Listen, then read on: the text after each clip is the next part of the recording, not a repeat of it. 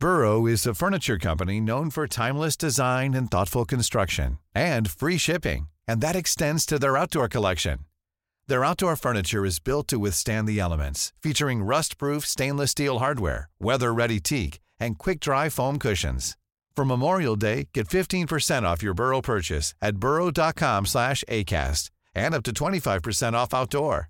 That's up to 25% off outdoor furniture at burrow.com slash ACAST. There's never been a faster or easier way to start your weight loss journey than with PlushCare. PlushCare accepts most insurance plans and gives you online access to board-certified physicians who can prescribe FDA-approved weight loss medications like Wigovi and Zepbound for those who qualify. Take charge of your health and speak with a board-certified physician about a weight loss plan that's right for you. Get started today at plushcare.com slash weight loss. That's plushcare.com slash weight loss. plushcare.com slash weight loss. Normally, being a little extra can be a bit much, but when it comes to healthcare, it pays to be extra. And United Healthcare makes it easy with Health Protector Guard fixed indemnity insurance plans. Underwritten by Golden Rule Insurance Company, they supplement your primary plan, helping you manage out of pocket costs without the usual requirements and restrictions like deductibles and enrollment periods. So when it comes to covering your medical bills, you can feel good about being a little extra. Visit uh1.com to find the Health Protector Guard plan for you. Den här podcasten sponsras av Valio. Valio utvecklar och säljer produkter för människors hälsa och välmående med fokus på magen. I en ny undersökning från Valio visade det sig att de som främst drabbas av magproblem är unga kvinnor. Bland dem upplevde hela 46 procent dagliga problem med magen och den vanligaste orsaken var stress. Det är någonting som jag tillsammans med Valio vill försöka ändra på. Läs mer på www.lugnamagen.nu för mer information om maghälsa. Här kommer veckans avsnitt.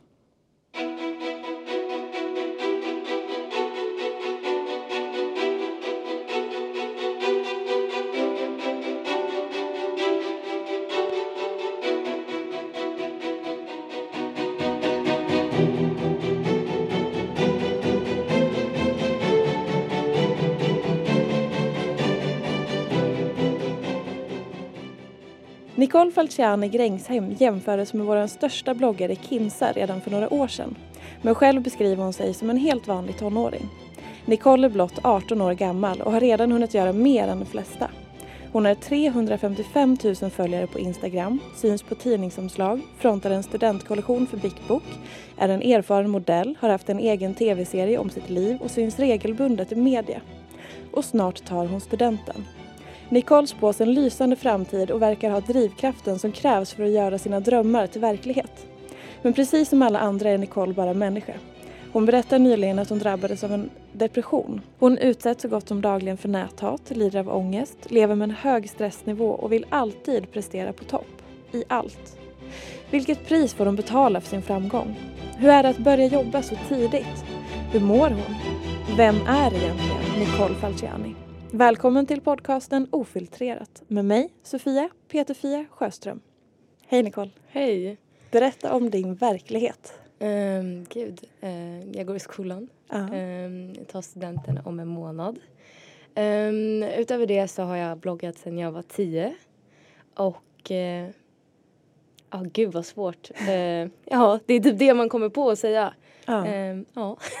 Hur skulle du beskriva din vardag? För den är ju väldigt, eh, som jag förstår utifrån, intensiv. Jag tänker, dels har du skolan där det är mycket höga krav och sen så har du berättat att du gärna vill vara duktig och prestera, prestera i skolan. Ehm, och samtidigt prestera utanför skolan för att du har jobbat så mycket i alla unga tonår och sen du var liten Ja. egentligen. Hur får du ihop det? Eh, jag vet faktiskt inte. Uh, det är någonting folk frågar mig otroligt ofta. Men det är så himla svårt att svara på. Um, alltså i och med att jag har jobbat sedan jag var tio ehm, och bloggen blev väl på riktigt när jag var 14. Ehm, så liksom, det har alltid varit så för mig. Eh, att man ska få ihop skola och jobb. Så jag, det, jag, jag har inget bra svar på det.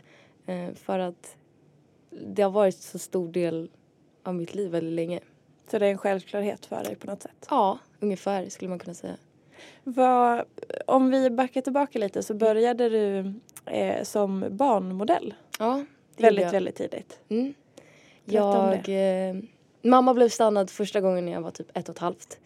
Um, på stan av Stockholmsgruppen för de ville att uh, mamma skulle skicka in bilder på mig. Uh, och mamma gjorde det men sen så blev det ingenting med det för jag fick typ något pampersjobb eller något sånt men jag blev sjuk. Uh, så sen skickade inte mamma in några nya bilder och sen när jag var typ 9, 9, 10 så skrev Stockholmsgruppen att så här, vi har inte fått några nya bilder på skitlänge av er. Um, som om, om Nicole vill vara kvar så måste ni skicka in nya bilder annars så tar vi bort henne. Och mamma ville inte skicka in nya bilder för då trodde hon att jag skulle typ bli mallig och tro att jag var mycket bättre än alla andra barn liksom. Ehm, så hon ville inte skicka in men sen så berättade hon det för mig ändå och jag övertalade henne att skicka in bilder för jag tyckte det var kul. Ehm, och sen typ direkt efter vi hade skickat in så fick jag ett jättestort H&M och eh, kappaljobb. Ehm, och det gjorde jag typ när jag var tio.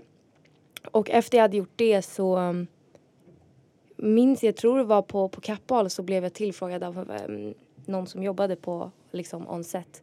Um, om jag liksom var intresserad av film också. Mm.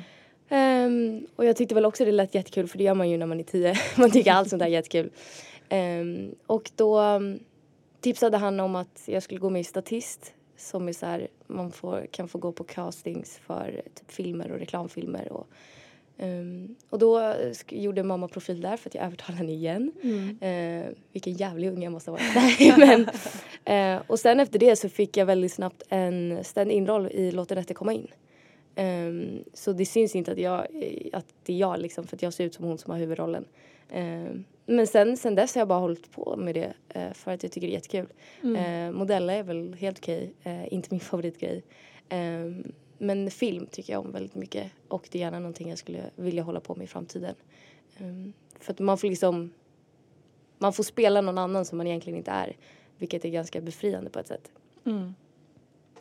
Vad är det med modellyrket som gör att du känner att det inte är din favoritgrej? För det är någonting som väldigt många drömmer om. Ja, alltså jag har gjort väldigt mycket um, liksom modelljobb uh, i och med även bloggen såklart. Uh, senast för Big Bock.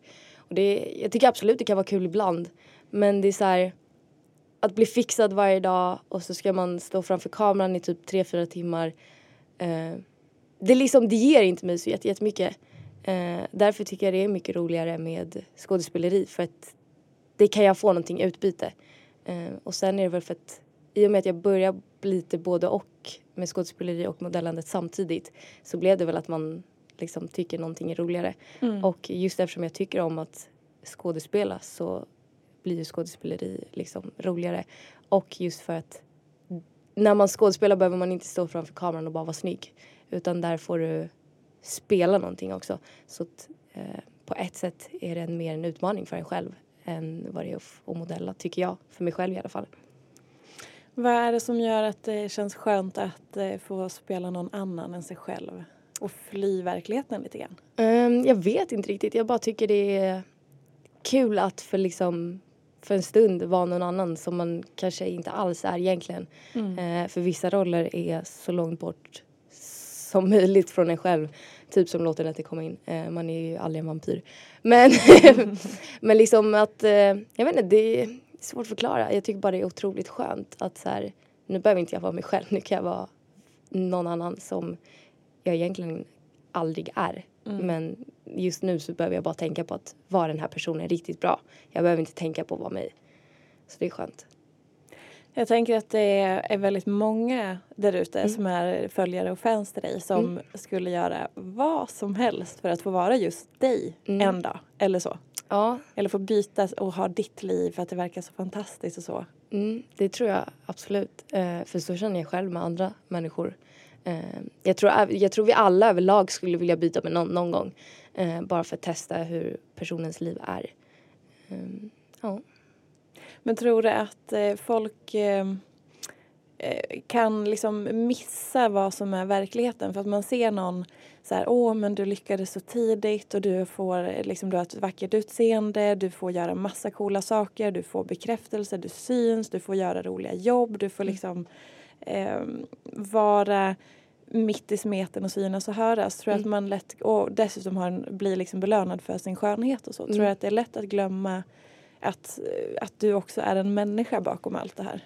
Alltså jag tror människor överlag har väldigt lätt eh, att missa att alla har vi något typ av problem. Mm. Eh, oavsett liksom om du skulle fråga någon som är eh, typ Bill Gates som är multibiljardär. Eh, han har också sina problem. Precis som att någon som sitter och lyssnar här har sina problem och jag har mina problem. Mm. Och det tror jag väldigt lätt folk glömmer. Eh, men jag tror det är otroligt viktigt att tänka på att även om mitt liv eller någon annans liv verkar väldigt bra så finns det alltid någonting som inte är jättebra.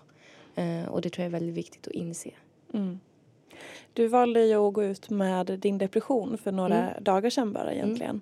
Hur du skrev i, i början av det inlägget att det kändes svårt att formulera att du hade raderat och skrivit om Mm. men att du kände dig redo att berätta. Mm. Eh, hur, hur var det beslutet att ta?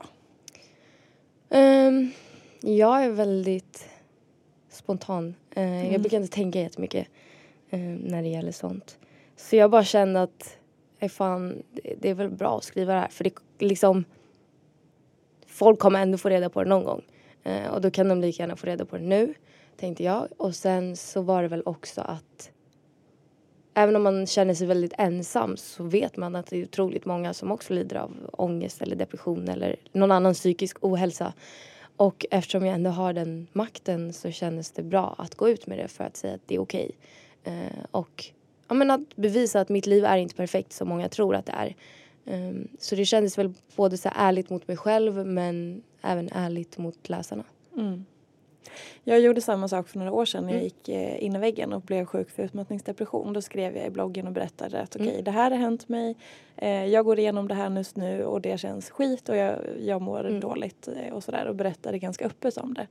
Eh, då fick jag ganska blandade reaktioner. Mm. Eh, I och med att det var utmattning som var en av mina saker så var det väldigt många som kände sig provocerade av att så här, men du som är så ung och hurtig och tränar mycket Mm. och liksom, hur kan du vara trött? Eller du som inte har några barn, du kan väl inte kalla dig utbränd och sånt. Mm. Vad har du fått för reaktioner eller för respons? Jag har inte fått någon dålig respons alls vilket känns otroligt skönt. Ehm, jag har bara fått folk som, ja, men som säger att de kanske har gått igenom samma sak eller går igenom samma sak. Eh, eller folk som har haft nära närstående som har haft depression och säger att det kommer bli bra. Så jag har inte fått någon liksom, dålig respons alls av det vilket känns väldigt skönt. Mm. Det men jag kanske- tycker det är tråkigt när folk ska lägga sig i för att folk har ingen aning. Men folk vill gärna tro att de har någon aning. Mm. Ehm, men jag är väldigt glad att jag inte fick liksom dålig respons för det är ändå väldigt jobbigt när man går ut med något sånt. Ehm, så det var skönt att man fick bra Mm. liksom, respons. Och ju fler som pratar om det desto viktigare eh, arbete görs ju och det känns som att då, då läggs ju liksom en annan grund och folk får en annan förståelse och mera kunskap och kan se att så, okej, man är inte sjuk i huvudet för Nej. att man har en depression som många kallar för en förkylning i hjärnan Mm. eller att man kan det, du, du skrev någon bra eh, jämförelse som din läkare hade sagt. Ja, ehm, jag gick till min eh, husläkare eh, och han sa något. Jag tyckte det var jättejobbigt att gå dit och berätta för honom. Ehm, men det var otroligt skönt för han sa så här, men Nicole det är inte så himla konstigt att det kan bli fel i hjärnan. För att hjärnan består av typ eh, en miljon, han sa något sånt, en Mm. miljon celler. Eh, och medan liksom du kan få eh, nageltrång i en nagel som består av en cell. Mm. Och då sa han, då är det inte så himla konstigt att det kan bli fel. Eh, för att kan du som sagt få nageltrång så kan det bli fel i hjärnan Mm. består av typ hundra gånger, nej typ en miljon så många celler. Eh, det var väldigt fint sagt tyckte jag. Ja. Och det är så viktigt att man får höra det där för så man inte känner sig ensam eller, eller ensam kan man känna sig ändå och Mm. jag kan uppleva att att eh, psykisk ohälsa överlag är väldigt ensamt för att är man måste ha gått igenom det för Ja. att kunna relatera eller verkligen förstå. Eh, men det här med att söka hjälp, Mm. Det kan vara svårt. Eh, ja, jag tyckte det var hur- jättesvårt. Ja. Vad var det som kändes svårt? Ehm, jag vet inte riktigt, bara att gå dit och typ säga, jag sa jag tror jag är deprimerad. Ehm, för jag visste inte vad man skulle säga. Ehm, Mm. Jag visste liksom inte ens om man kunde vända sig till sin husläkare. Jag hade ingen aning om sånt. Ehm, så jag sökte på internet. Uh, vart vänder man sig om man är deprimerad? Ja. Och då kom det upp, du kan vända dig till din husläkare. och det tyckte jag lät som en bra idé. Ehm, så jag gick dit. Men jag gick väl dit för att Men för att liksom, jag hade känt mig så här, trött och inte orkat göra någonting ett längre tag. Och så kände jag att så här, jag måste ta tag i det här för att gör jag inte det nu så kommer det fortfarande finnas kvar om en månad. Um, så det var väl bara en dag vaknade jag upp och så, jag tyckte som sagt det var jättejobbigt. Men så var det så här, okej okay, idag måste du gå till läkaren. Mm. Det finns liksom ingen utväg. Och sen så höll jag väl på att tveka typ tio gånger innan jag gick in. Um, men jag gjorde det.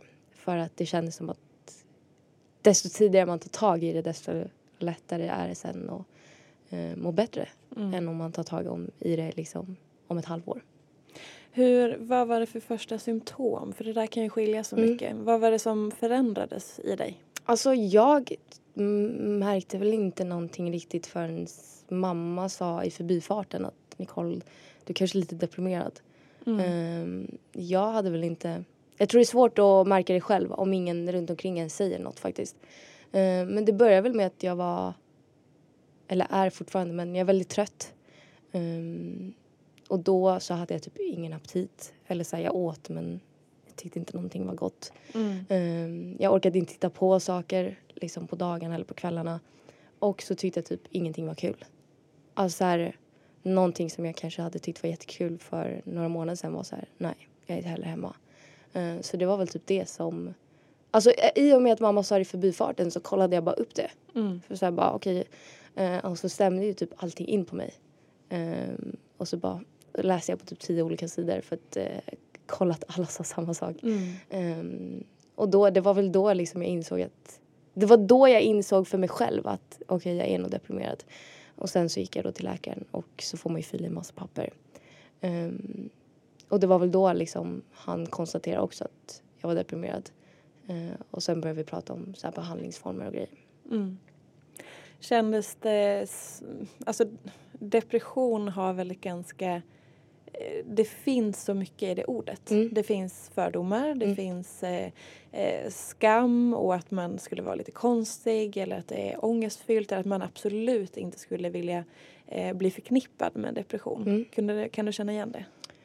Nej, jag kände väl mer skam på ett sätt för att ja, men så många tror att man liksom har ett perfekt liv.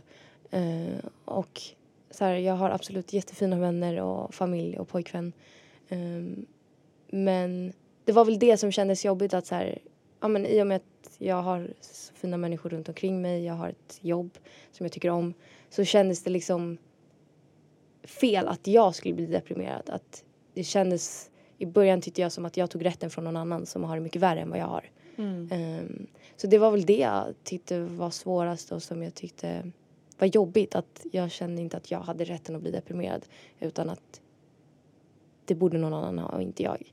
Men annars har jag inte känt att det har varit liksom jobbigt på något sätt. Vad skönt. Mm. Men det där kan jag verkligen känna igen. Man tänker ju ofta på att man är privilegierad eller att man har det väldigt bra. Mm, precis. Eh, så då borde man ju inte klaga. Eller eh, kunde, kunde det få dig att tveka till att gå ut med det? För att då skulle det ju liksom...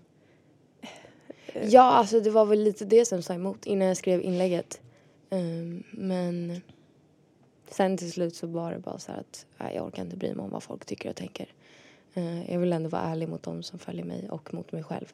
Så då beslöt jag mig för att skriva ändå. Men det är klart det kändes, det var ju det som sa emot från första början. Att så här, nej men jag kan ju inte gå ut med det för att jag har det bra.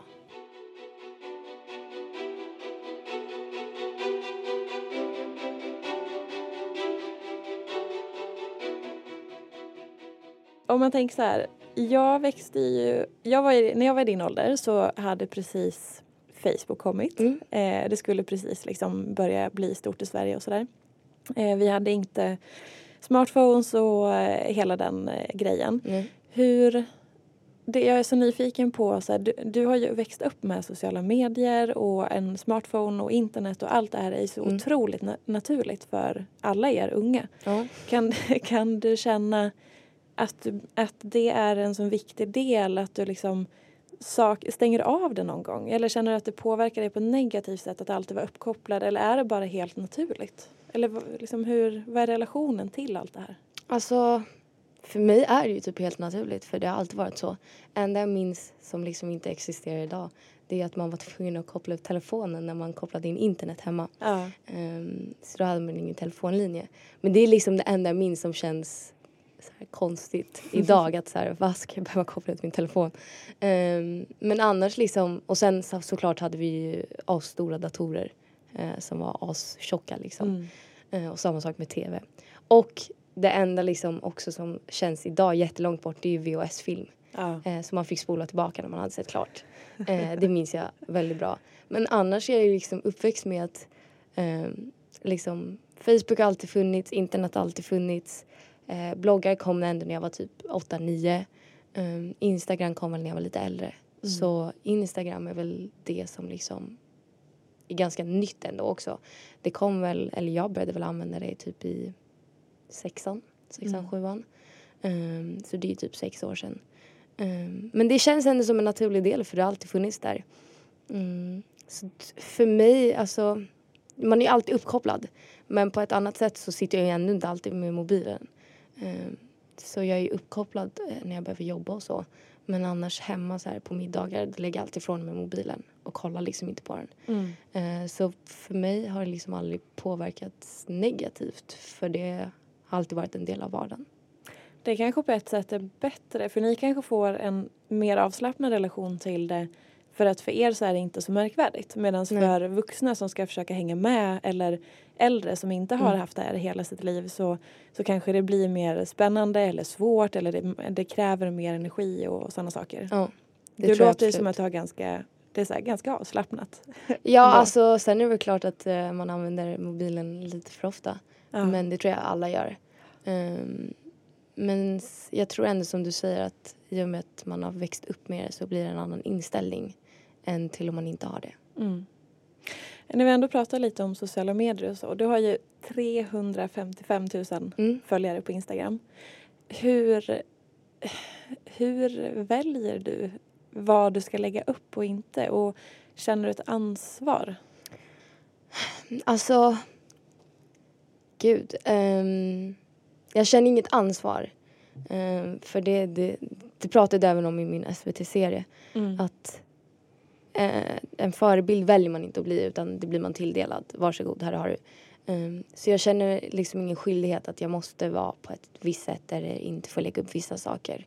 För att, att vara en förebild är ingenting jag har valt utan det är någonting som folk har valt att applicera på mig. Ehm, så på så vis känner jag liksom inget, nej men det här kan jag inte lägga upp eller det här måste jag lägga upp för att visa att jag är bra typ. Mm. Ehm, men överlag på Instagram så är det väl bara så här, tycker om att lägga upp fina bilder. Mm.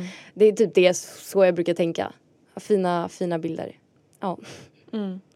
Jag tycker det är svårt med Instagram. Jag får ofta prestationsångest av Instagram Mm. för att eh, just för att allting ska vara så himla perfekt hela Mm. tiden och det måste vara liksom tipptopp bilder och så. Och sen så vet jag också att om jag hade lagt upp fler selfies, mer bilder på min kropp eller eh, mer avklädda bilder, speciellt kanske i träningskläder och sådär, så hade jag ju fått många fler följare ganska snabbt. Mm. Men jag har valt att inte att lägga upp ganska få selfies och inte lägga upp avklädda bilder på Mm. mig och sådana saker för att jag känner sånt enormt ansvar.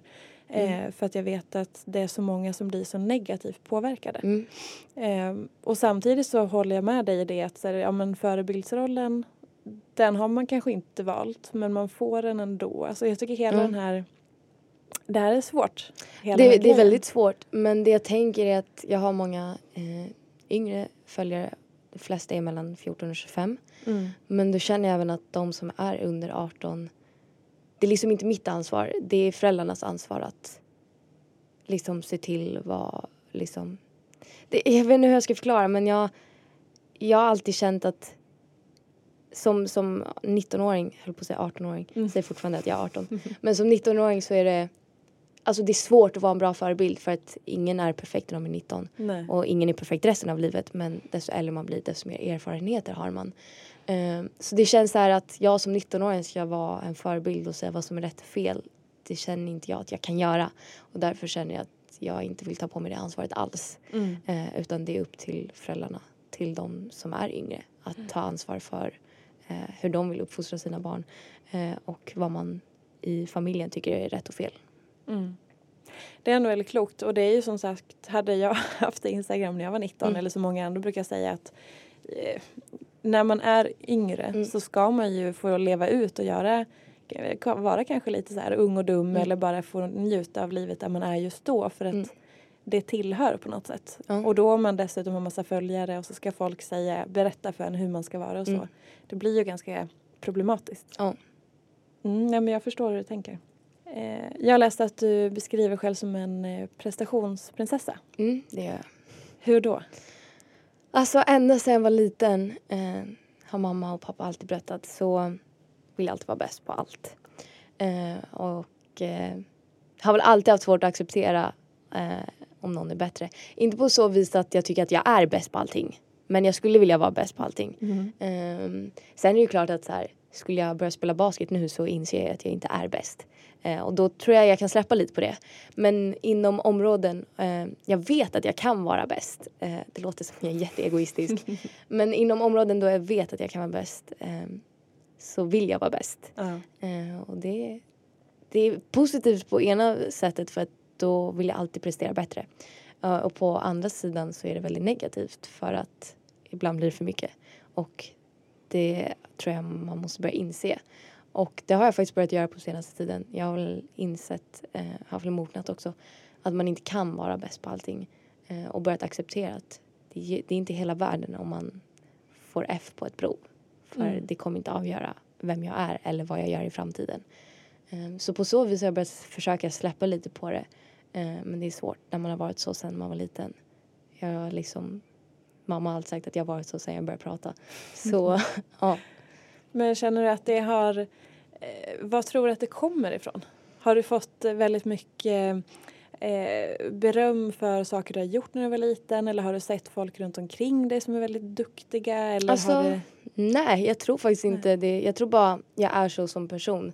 För att jag, ehm, här är en rolig historia. Nej, men när jag var typ två, tre år, eh, kan ha fel, men jag tror jag var två, tre år, så har mamma och pappa berättat att jag eh, eh, tog hem en teckning från dagis och eh, gallskrek och rev sönder den i typ tusen bitar för den var inte som jag ville ha den.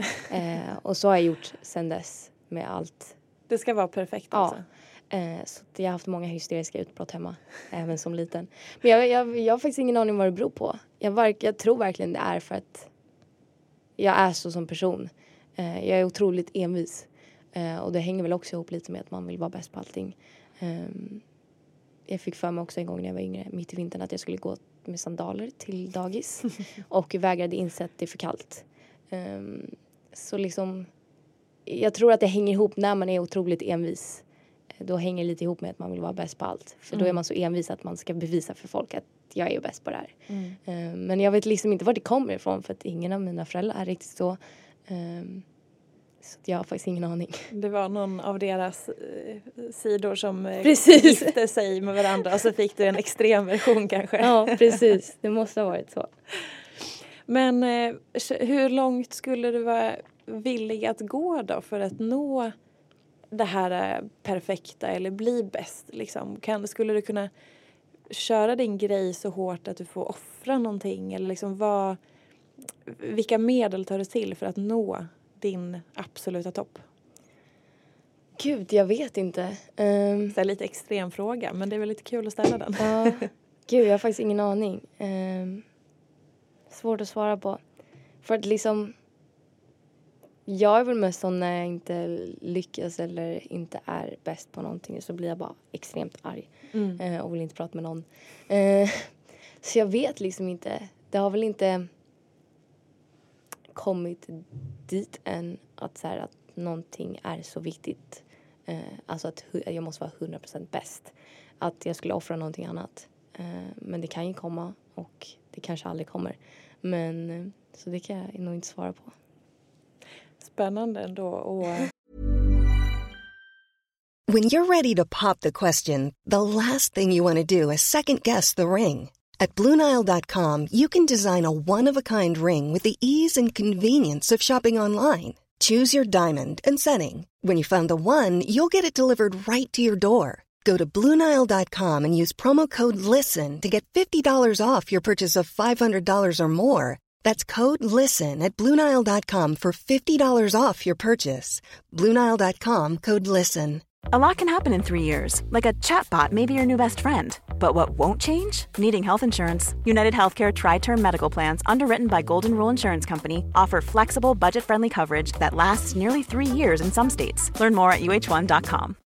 Millions of people have lost weight with personalized plans from Noom, like Evan, who can't stand salads and still lost 50 pounds. Salads, generally, for most people, are the easy button, right? For me, that wasn't an option. I never really was a salad guy. That's just not who I am. But Noom worked for me. Get your personalized plan today at Noom.com. Real Noom user compensated to provide their story. In four weeks, the typical Noom user can expect to lose one to two pounds per week. Individual results may vary. Burrow is a furniture company known for timeless design and thoughtful construction and free shipping, and that extends to their outdoor collection. Their outdoor furniture is built to withstand the elements, featuring rust-proof stainless steel hardware, weather-ready teak, and quick-dry foam cushions. For Memorial Day, get 15% off your Burrow purchase at burrow.com slash ACAST and up to 25% off outdoor. That's up to 25% off outdoor furniture at burrow.com slash ACAST. Men drivkraft har du i alla fall, det vet jag. Ja, det har jag. Om man tänker så här, du har gjort otroligt mycket i, hittills Mm. och är nyligen fyllda 19 år. Mm. Vad vill du göra framöver? Liksom, vad, vad har du för mål nu de närmsta åren? Oj. ehm, jag vill flytta utomlands. Ehm, och sen så... Alltså det jag vill hålla på med egentligen till 100 procent är ju skådespeleri. Eh, så det är väl liksom uh, någonting... Ja, men det är en dröm att få hålla på med det heltid. Ehm, så det är väl typ ett mål, skulle man kunna säga. Vad har du för väg till det målet? Eh, just nu så är det väl bara att jag går på mycket castings ehm, och så försöker man göra sitt bästa. Ehm, det som dock är svårt är att ofta kan man vara bra på någonting ehm, men det handlar liksom inte alltid om att man är bra på det. För att inom skådespeleri speciellt så är det så här, det har hänt väldigt många gånger att så här, ah, det, vi, vi valde inte dig för att föräldrarna vi har valt i serien är blonda. Och då liksom matchar det inte. Eh, så det är väldigt mycket sånt som spelar stor roll också. Eh, men det är väl att gå på fler castings och försöka få någon, någon större roll så att någon annan upptäcker den. Eh, just nu så lever du ett väldigt offentligt liv Ja. eh, i och med bloggen. Då får man ju väldigt många, många följare, mycket uppmärksamhet. Det står i media när du har en ny pojkvän och liksom hela den biten. Eh, du är också tillsammans med en av våra största artister. Mm. Eh, hur påverkar det dig att eh, få välja så vad du delar med dig av? För att just du är offentlig och det är en relation vill folk grotta er i eller ditt liv vill folk vara med och liksom se och så. Hur påverkar det dig? Um, jag tyckte det var väldigt jobbigt i början när tidningen började skriva om en. Um, det var precis när jag hade fyllt 18. Um, ehm, men för att helt plötsligt så, så blev någonting som jag tyckte var jätteointressant blev väldigt intressant för hela Sverige. Uh, vilket var en ganska konstig känsla. Uh, sen är väl att även om man har många som följer bloggen så känns det konstigt att det jag skriver på bloggen blir en tidningsartikel för att det jag skriver på bloggen ska bara vara kvar på bloggen, känner jag. Ehm, så på så sätt har det väl varit att hela ens liksom, liv blir offentligt. Eh, I början var väldigt jobbigt. Ehm, men sen så, som, som med allting, man vänjer sig otroligt mycket. Så nu eh, tycker jag inte alls det är jobbigt. Det är klart så här, ibland så tycker man att någon artikel är jättetöntig. Eh, så man bara, okej varför liksom, hade ni inget annat att skriva om? Har du något exempel? Ehm, ja, men det var typ i somras så skulle Erik åka hem från, vi var ju nere i Italien hos min släkt och han behövde åka hem innan mig eh, för att han hade någon konsert, jag minns inte, någonting, han behövde vara i Sverige. Eh, och så stannade jag kvar en vecka för jag ville vara nere eh, hos min släkt och sen så skriver typ Aftonbladet eller Expressen så här Erik tvingas lämna kärlekssemester. Eh, och det blir bara så här, det blir så töntigt för det blir så här, eh, aha okej, eh, nej han skulle åka hem och jobba men absolut. Så att sånt liksom, det blir lite bisarrt på ett sätt. Eh, men man vänjer sig. Nu tycker jag inte alls det är jobbigt men i början var det väldigt jobbigt. Har ni någon strategi som ni har pratat om att det här, sånt här delar vi med oss av, här går vår gräns, det här säger vi, det här säger vi inte? Eh, nej, eh, Erik är väldigt privat. Mm. Eh, och är väl fortfarande men så insåg jag att man kan inte riktigt vara det om man är tillsammans med någon som bloggar. Um, så på ett sätt så önskar väl han att jag vore mer privat och jag skiter väl lite i det. Um, så nej, vi har liksom inget bestämt. Um, men uh, det är jag som bestämmer. det är du som bestämmer. Ja, men det är bra. Girl power. Ja, men verkligen. Men känner du att, eh, eh, att det påverkar er relation att folk vill lägga sig i? För om man tittar på era Instagram-kommentarer, mm. så fort ni lägger upp en bild mm. på varandra eller tillsammans så är det ju folk som är dels är massa människor kära i honom eller i mm. dig eller tycker att åh vi hatar dig för att du är tillsammans mm. med han eller åh varför är de tillsammans och så kan de attackera er. Mm. Speciellt då dig kanske mm. som tjej. Liksom, hur påverkar det? Eller att, har ni blivit utsatta för ryktesspridning och sådana um, saker? I början var det jättejobbigt för att som alla eh, förhållanden eller när man dejtar någon så är det lite känsligt i början. För man vet inte riktigt vad man har varandra. Man ja, men liksom, man vet inte riktigt om man är tillsammans än eller om man bara dejtar. Så i början var det väldigt jobbigt eh, när tidningar började spekulera och folk skulle skriva saker liksom. För man, man är ändå känsligare i början i och med att man inte är trygg med den andra personen än. Mm. Eh, så i början var det otroligt jobbigt och det kunde bli så här bråk. Eh, inte bråk men så här irritation och tjafs. Mm. Eh, men nu så är det också så här, nu vi ändå på varandra och trygga med varandra och känner att så här, folk kommer alltid ha någonting att säga och folk kommer alltid tycka någonting och folk kommer alltid ha någonting att sprida. Eller liksom. Mm. Så då får man bara lita på den andra personen. Um, men i början var det jobbigt. Um, men nu tycker jag liksom, nu pallar man inte bry sig längre. Jag är en sån person som, jag är väldigt obrydd. Så nu är det så här, ah, jag skiter i vad folk tycker och tänker. Det måste ändå vara väldigt skönt som bloggare för man kan ju mm. bli utsatt för ganska mycket näthat eller elaka kommentarer mm. och att folk eh, påstår saker och att mm. saker förföljer ens. Ja, ah, nej men hon var så himla mm. trevlig eller otrevlig eller sådana saker. Det kan ju hänga kvar ganska mm. länge. Nej men jag har alltid haft väldigt lätt för att skaka av mig vad folk tycker och tänker. Så för mig har det nog aldrig varit ett riktigt problem. För att jag är så här, jag har mina vänner och jag har min familj och de vet liksom vad som är sant eller vad som inte är sant. Uh, och så länge jag vet att de vet det så spelar det ingen roll vad andra tycker för de känner inte ens mig. Så de har egentligen ingenting att säga.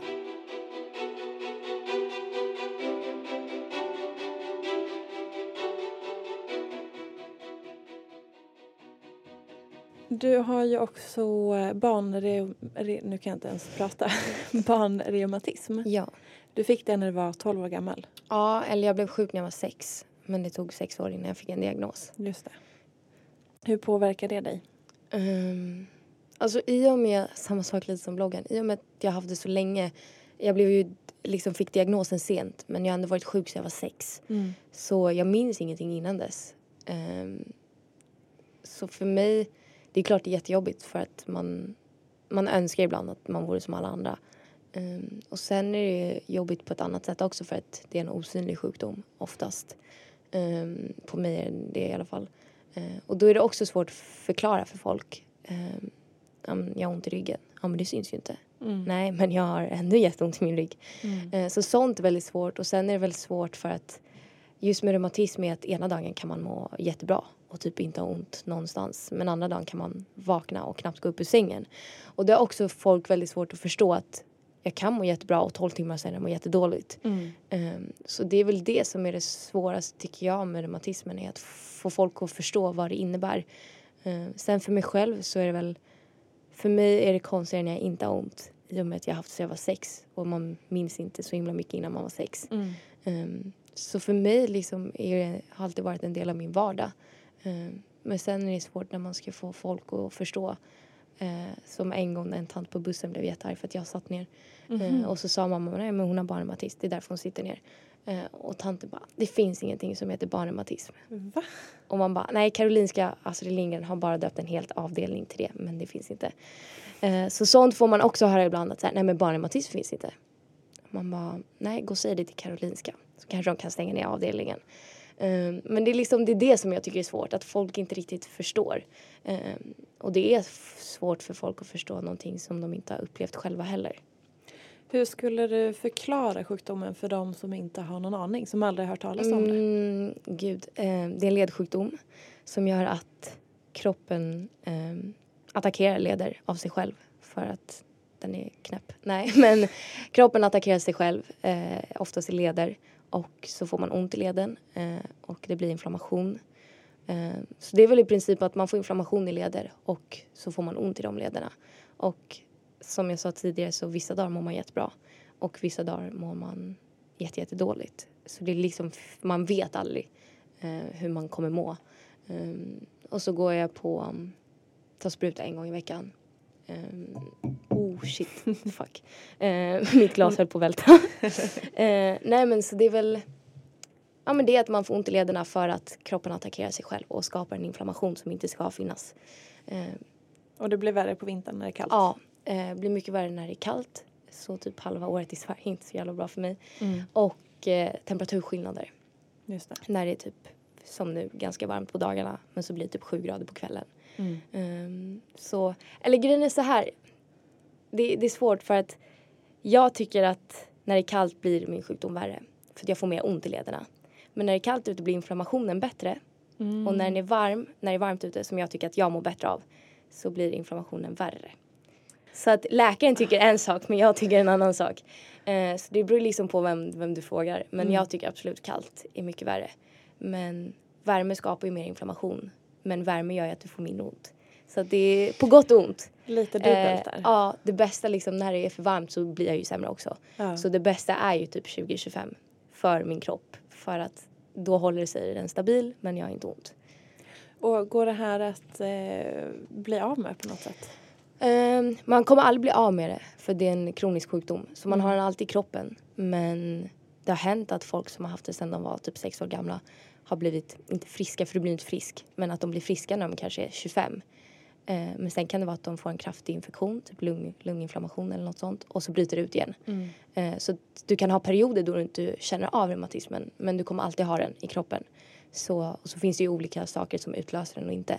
Men eh, förmodligen har min läkare sagt att jag kommer ha det hela livet. Och sen är det såklart som alltid att det finns bättre perioder och sämre. Mm. Men hon tror inte att eh, jag kommer ha liksom tre år där jag inte känner någonting alls. Mm. Eh, för det brukar man ofta ha när man har problem med färre leder. Alltså desto färre leder man har desto större är chansen att man har perioder då man är helt bra.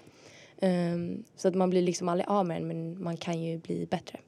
Och hur hanterar man det faktumet att ha en kronisk sjukdom som man påverkas av nästan varje dag? Um, när jag var yngre tyckte jag det var jättesvårt att acceptera för att då kände man sig jätteannorlunda från andra människor. Uh, och man ville vara som alla sina kompisar. Men sen så inser, alltså jag insåg i alla fall att det spelar ingen roll hur arg jag är eller hur sur eller ledsen jag är över det här. För att liksom, jag kommer alltid ha det. Det finns ingen, det finns ingen mening med att vara arg. Mm. För det löser ingenting. Um, så jag har väl liksom bara fått acceptera att det är så här det kommer vara. Uh, sen är ju målet såklart uh, att hitta en medicin som funkar. Um, så nu håller jag på att testa en ny medicin skönt att det finns kanske det finns någonting som kan underlätta i alla fall. Ja, det, det alltså det finns ju har man tur så ska man hitta en medicin som funkar till 100 procent som mm. gör att man är helt smärtfri. Eh, problemet är att det är svårt att hitta för det finns typ 12 mediciner och alla funkar inte på samma människor. Ta ett tag och prova sig igenom Ja, jag har alltså. testat åtta stycken nu. Oj! Eh, ja. Eh, så det är liksom, det är det att det, det, det, är ju en svår sjukdom på det sättet att den är olika på alla människor. Mm. Så det finns liksom inget, ja men för den typ av reumatismen du har så kommer den här medicinen funka. Det går liksom inte att, att göra så utan där är verkligen man testar tills man hittar någonting som funkar ja. eh, 100% eller tills man känner att okej okay, men den här funkar ganska bra så vi fortsätter med den. Jätteintressant att höra och det mm. känns viktigt att, eh, att du pratar om det så att fler får förstå att det är verkligen en, en sjukdom som behöver tas på allvar precis ja. som alla andra sjukdomar. Precis. Hur skulle du beskriva din självbild? Oj, på hur menar du? På vilket sätt? Hur, um, om man tänker, det finns ju självförtroende, självkänsla mm. och sen självbild. Mm. Um, om man säger självkänsla, det brukar beskrivas som en medveten, medvetenhet om uh, den egna personlighetens värde. Mm. Och sen självförtroende en är en stark tilltro till den egna förmågan att prestera. Mm. Och självbild är väl lite grann hur man uppfattar sig själv, vad man har för relation till sig själv och hur man ser på sig själv. Oj. Um, alltså, det är väl som alla människor, den går upp och ner. Eh, vissa dagar känner man sig asbra. Som att man kan typ eh, vara kung över världen. Nej men att man är verkligen bäst på allting och man är snyggast och allt är perfekt. Um, och så vissa dagar känner man sig sämst och jätteful och man kan inte göra någonting. Um, så det går ju liksom, det går väldigt upp och ner. Uh, och sen har det väl gått väldigt upp och ner med tanke på att jag har tagit typ antidepressiva nu i två veckor. Um, och i början så blir man får väldigt mycket ångest. Mm. Um, så nu har jag haft väldigt mycket ångest över typ små saker också. Um, så nu, just nu är det väl sämre. Men det, går, alltså det är väl som alla tjejer i tonåren. Den går upp och ner. Uh, man har perioder då allt känns skitbra. Um, men just nu är det väl sämre i och med att jag börjat ta antidepressiva och det är vanligt i början. Alltså man känner sig sämre, sa läkaren. Du har börjat gå i, te- i terapi också? KBT? Eh, jag gick en gång. Men Ah. det, det, jag har lovat mamma och pappa och min pojkvän att jag ska gå fler gånger. Men jag tyckte det var jättejobbigt. På vilket sätt? Alltså, sen jag var liten, jag har aldrig tyckt om att prata om känslor. Alltid tyckte det var jobbigt så här, ja men hur känner du nu? Är du arg? Alltså, jag gillar inte att prata om känslor, jag tycker det är jättejobbigt. Och när jag gick då till psykologen så handlar allting om känslor. Man ska berätta precis vad man känner och jag bara satt där och kände mig typ instängd och så stressad. Ja. Ehm, för så här, ja men hur känner du då? Vad, vad tänkte du då? Och man bara, varför gör du ens det här? Nej men så jag har gått en gång och jag tyckte de där 45 minuterna kändes som typ fem timmar.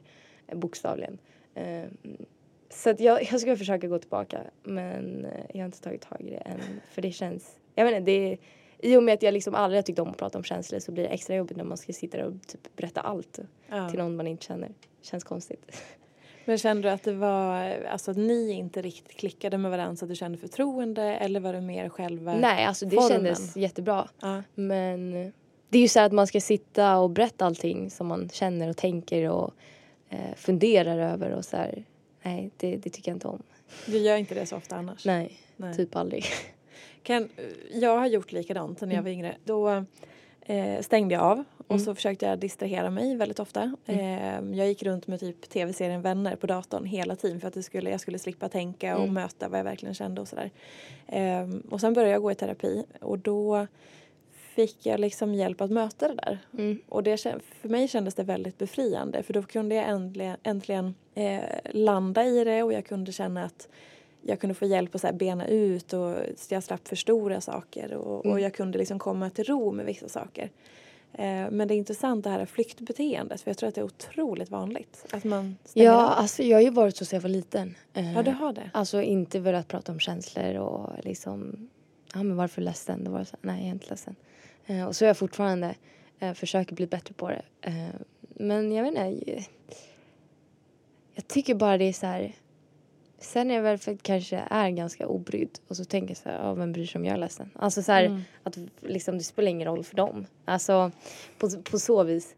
Ehm, så jag vet inte riktigt. Jag har liksom varit så länge. Ehm, Men kan du komma ihåg när det började? Att du började känna så eller så här, nej nej men jag mår bra, det är lugnt. Alltså jag är liksom som det med så att jag vill vara bra på allting. Det har typ Ja. också varit lite sen jag var liten. Att så här, mamma fick typ tjata ur mig saker för att jag skulle berätta vad det var som var fel. Eh, och så är jag fortfarande. Ehm, så jag vet inte riktigt vad det beror på. Jag bara tycker det är jobbigt att, att prata om känslor. Ja. Intressant. Det där kommer nog din eh, terapeut tycka kunna, kunna hjälpa till att reda ut med Det om du går tillbaka. Men gud. Jag vet jag får verkligen, jag får typ ångest av tanken att jag bara måste gå tillbaka. Du vill verkligen inte? Nej, det känns verkligen så här. Nej, det är det hemskaste jag gjort i hela mitt liv. Och det, det tycker jag faktiskt. Det var, det var så jobbigt psykiskt. Att så här, Ja. Jag kände mig instängd. Det kändes som att hon hade låst in mig i det där rummet och bara du måste prata. Och så bara satt man där och så, så här. Jag svarade typ jag vet inte på hur många frågor som helst. Och bara, men vad är det du inte vet? Och man bara va? Alltså så här, det var så mycket konstiga frågor som man kände att så här, det här kan inte ens jag svara på. Ehm, så Kan det inte då vara bra att försöka eh, hitta de där eh, svaren på det där? jo, men det är jobbigt. Ja, Det är väldigt jobbigt. det är klart. Det är Ja. jättejobbigt. Och det är svårt att börja rota i sig själv. Det kan bli väldigt obekvämt. Mm. Och så kan man inse saker så här. Eh, man kanske har valt en sanning om sig själv eller någon annan. Mm. Och sen så upptäcker man att det här är inte den sanningen som är på riktigt. Utan Nej. det här är någonting som jag har intalat mig. Det kan vara otroligt jobbigt. Mm. Säger jag nu lite sådär försiktigt som så här, alla förstår att jag själv gått igenom Ja. det. Men, eh, nej men så jag förstår precis, det är skrämmande. Mm, och sen så var det väl... Um, om min läkare hade varit smart för han sa så här att jag skrev ut antidepressiva eh, och så skickade vi en remiss till någon KBT. Mm. Ehm, och så kan du gå där en gång och se hur det känns och så om det känns jättedåligt så kan du välja själv om du går tillbaka eller inte. Aha. så jag tror att om han hade sagt så här, nej Nicole du måste gå. Ja. Då hade jag så här, känt mig tvingad. För då hade jag tyckt det var pinsamt att komma tillbaka sen. Och säga så här, nej men jag har inte gått till någon psykolog. Då hade jag tyckt det var jobbigt att berätta det för honom. Så då hade jag säkert gått flera gånger. Men i och med att han har sagt så här att ja, känns det inte bra så behöver du absolut inte gå. Då känner man ju så här, ja men det är han som har sagt det. Ja. Eh, och då känns det som att det är mer okej att jag inte har gått då. För att han har ju faktiskt sagt att, det inte, att jag liksom inte behöver om det inte känns bra. Risken är ju bara då att du kommer hamna hos honom senare. Ja, Med en ny depression eller Ja, så. Om det, det har lite... typ alla sagt. Ja. Eh, att okej, du kanske blir bra med antidepressiva men om du inte reder ut vad som är felet så kommer du komma dit igen. Precis. Eh, men jag vet inte, jag känner bara att det är så extremt jobbigt att gå tillbaka. Ja. Jag har inte svarat på några av hennes samtal. Hon har ringt mig typ fem gånger. Eh, ja. Ja. Ehm, utan att låta som en gammal tant eller så så skulle jag verkligen råda dig till att eh, prova en gång till. Ja. F- och Som alla dina nära och kära säger, Mm. så här, ta tag i det nu och inte sen. Ja. Men det är klart, är det jobbigt så är det ju svårt. Det är Ja. lätt att skjuta upp det då också. ja men just med tanke på att det är ingen som tvingar en så Nej. blir det också jobbigare. Men du själv kanske tvingar dig för att du inte vill hamna där igen. Ja, fast eh, dit har jag inte kommit än. Nej, okej. Med tanke på att jag tycker det var så himla jobbigt att vara Mm. där sist. Eh, ja, Ja, vi, vi, det återstår att se helt ja enkelt. faktiskt. Ehm, om vi ska prata lite maghälsa. Mm. Eh, den här poddens huvudsponsor är Valio som Mm. gör eh, laktosfria produkter. Mm.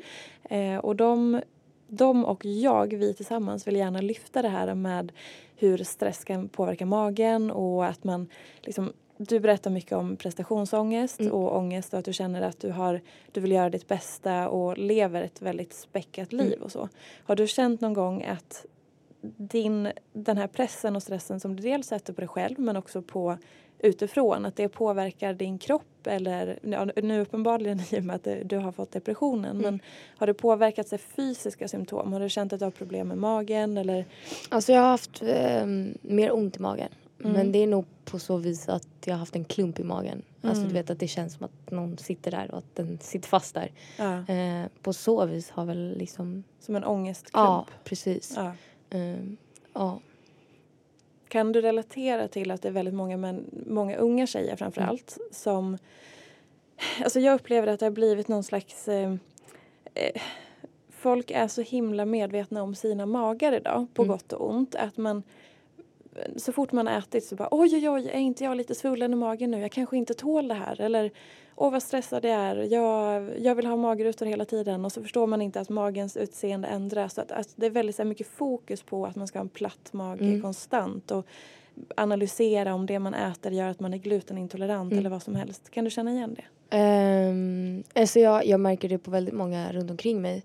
Sen eh, är jag laktosintolerant. Mm. Jag har druckit Valio faktiskt sen eh, jag var sju år gammal typ. Ja, men perfekt. så du Ehm, ser. Ja, och sen så blev jag gluten för, eller inte gluten, jag blev allergisk mot vete. Ja. Ehm, men man äter glutenfri mat liksom. Sen fyra år tillbaka. Så jag märkte det för att jag fick jättesvullen mage faktiskt. Mm. Eh, alltså det såg ut som jag var gravid. Eh, med gluten speciellt. Eh, och sen så liksom började så spy och hade kramper i magen Mm. liksom konstant. Så då gick jag och kollade upp det och då så konstaterade man ganska snabbt att det var gluten. Men jag märker även nu på många runt omkring som kanske inte är allergiska mot någonting i grund och botten. Men som säger, nej men nu har jag ätit det här och jag har lite svullen mage. Jag Mm. kanske borde skippa att äta det här. Mm. Eh, så det, det märks väldigt ofta tycker jag eh, runt omkring. Kan du känna att dina vänner runt omkring dig som inte har massa jobb Mm. bredvid skolan och som kanske inte lever ett offentligt liv, att de också känner sig väldigt pressade och stressade även om, om man ska säga vanliga liv eller så, Mm. att man har skolan och pojkvänner eller fester och Ja. kompisar, att de, även de är stressade? Ja, absolut. På vilket sätt yttrar det sig? Um, alltså jag, jag har haft även några andra vänner som har varit deprimerade. Ehm, men annars är det väl bara att överlag att vänner runt omkring har väldigt mycket ångest. eh, som ofta beror på skolan. Eller för att, ja men som du sa, skolan och pojkvän och man Mm. vill hinna med mycket saker. Vad är det som gör att de känner så, vet du det? Eller kan, som, man förstår ju att man får ångest av väldigt mycket, men just Mm. vad är det i skolan som gör att så många känner ångest? Ehm, betygen. Eh, Ja. Absolut, eh, skulle jag säga är en stor del. Och sen med tanke på att de ändrade betygen för ett tag sedan och du kan ha fått A på allting. Men om du får E på ett prov så får du D som Mhm. slutbetyg. För att det ska väga upp varandra. Men det gör det inte riktigt för att vi alla kan ha en dålig dag där man får jättedåligt på ett prov. Men om du har presterat så att du har fått högsta betyg på alla andra uppgifter så tycker jag att du bör få högsta Mm. betyg för att du kan inte räkna. Alla har vi en dålig dag minst där ett prov kan gå fel. Ehm, så det är väl främst det uh, de runt omkring mig känner väldigt mycket stress över. Det är betygen.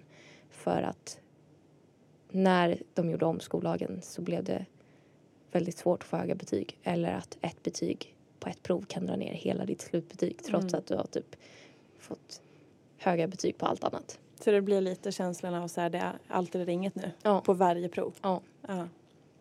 ja, det förstår jag är otroligt stressande. Mm. Eh, du Nicole, nu har vi pratat nästan en timme. Ja. Eh, det har varit eh, jättespännande att få prata med dig och Tack. Det känns som att du kommer ja, ha en väldigt spännande framtid framför dig i och med att du redan är så insiktsfull och eh, har mycket, mycket framöver. Ja, Spännande. tack. Tack så jättemycket för att du kom hit och ville prata med mig. Nu blir Ja. jag helt hes. eh, ni, ni hittar Nicoles blogg på nickis.se Mm. och eh, Nicole Falciani på Instagram. Yes. Är det något mer ställe som du finns på? Eh, jag finns på Youtube. Ah. Jag heter Nicole Falciani där med. Perfekt. Och på Twitter när jag är arg. När du är arg. Och där heter jag Nicole Falciani med två i på slutet. Ah. Ehm, så man hittar mig lite överallt. Ja men det är bra. Man kan inte komma undan dig. Nej, precis. Men tack, tack för mig. Ja men tack så jättemycket för att du kom hit. Och jag finns på peterfia.se och peterfia på Instagram. Eh, det kommer fler avsnitt så håll er kvar. Prenumerera gärna. Vi hörs. Hej hej! Puss puss. Hej hej!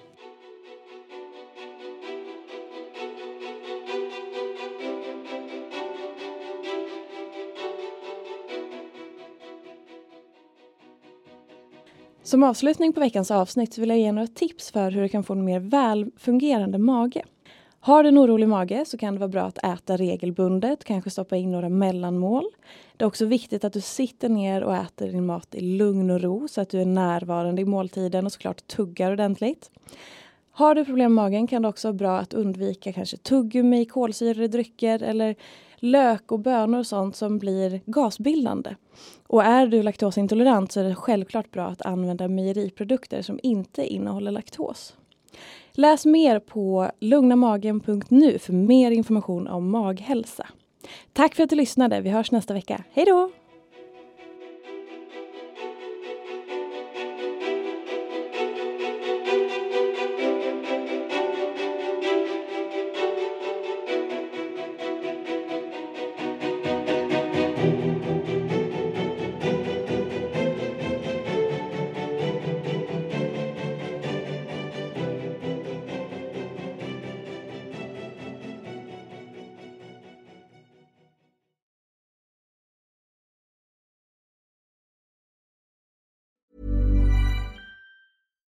Deserves the best, and there's no better place to shop for Mother's Day than Whole Foods Market. They're your destination for unbeatable savings, from premium gifts to show-stopping flowers and irresistible desserts. Start by saving 33% with Prime on all body care and candles. Then get a 15-stem bunch of tulips for just $9.99 each with Prime. Round out Mom's menu with festive rosé, irresistible berry chantilly cake, and more special treats. Come celebrate Mother's Day at Whole Foods Market.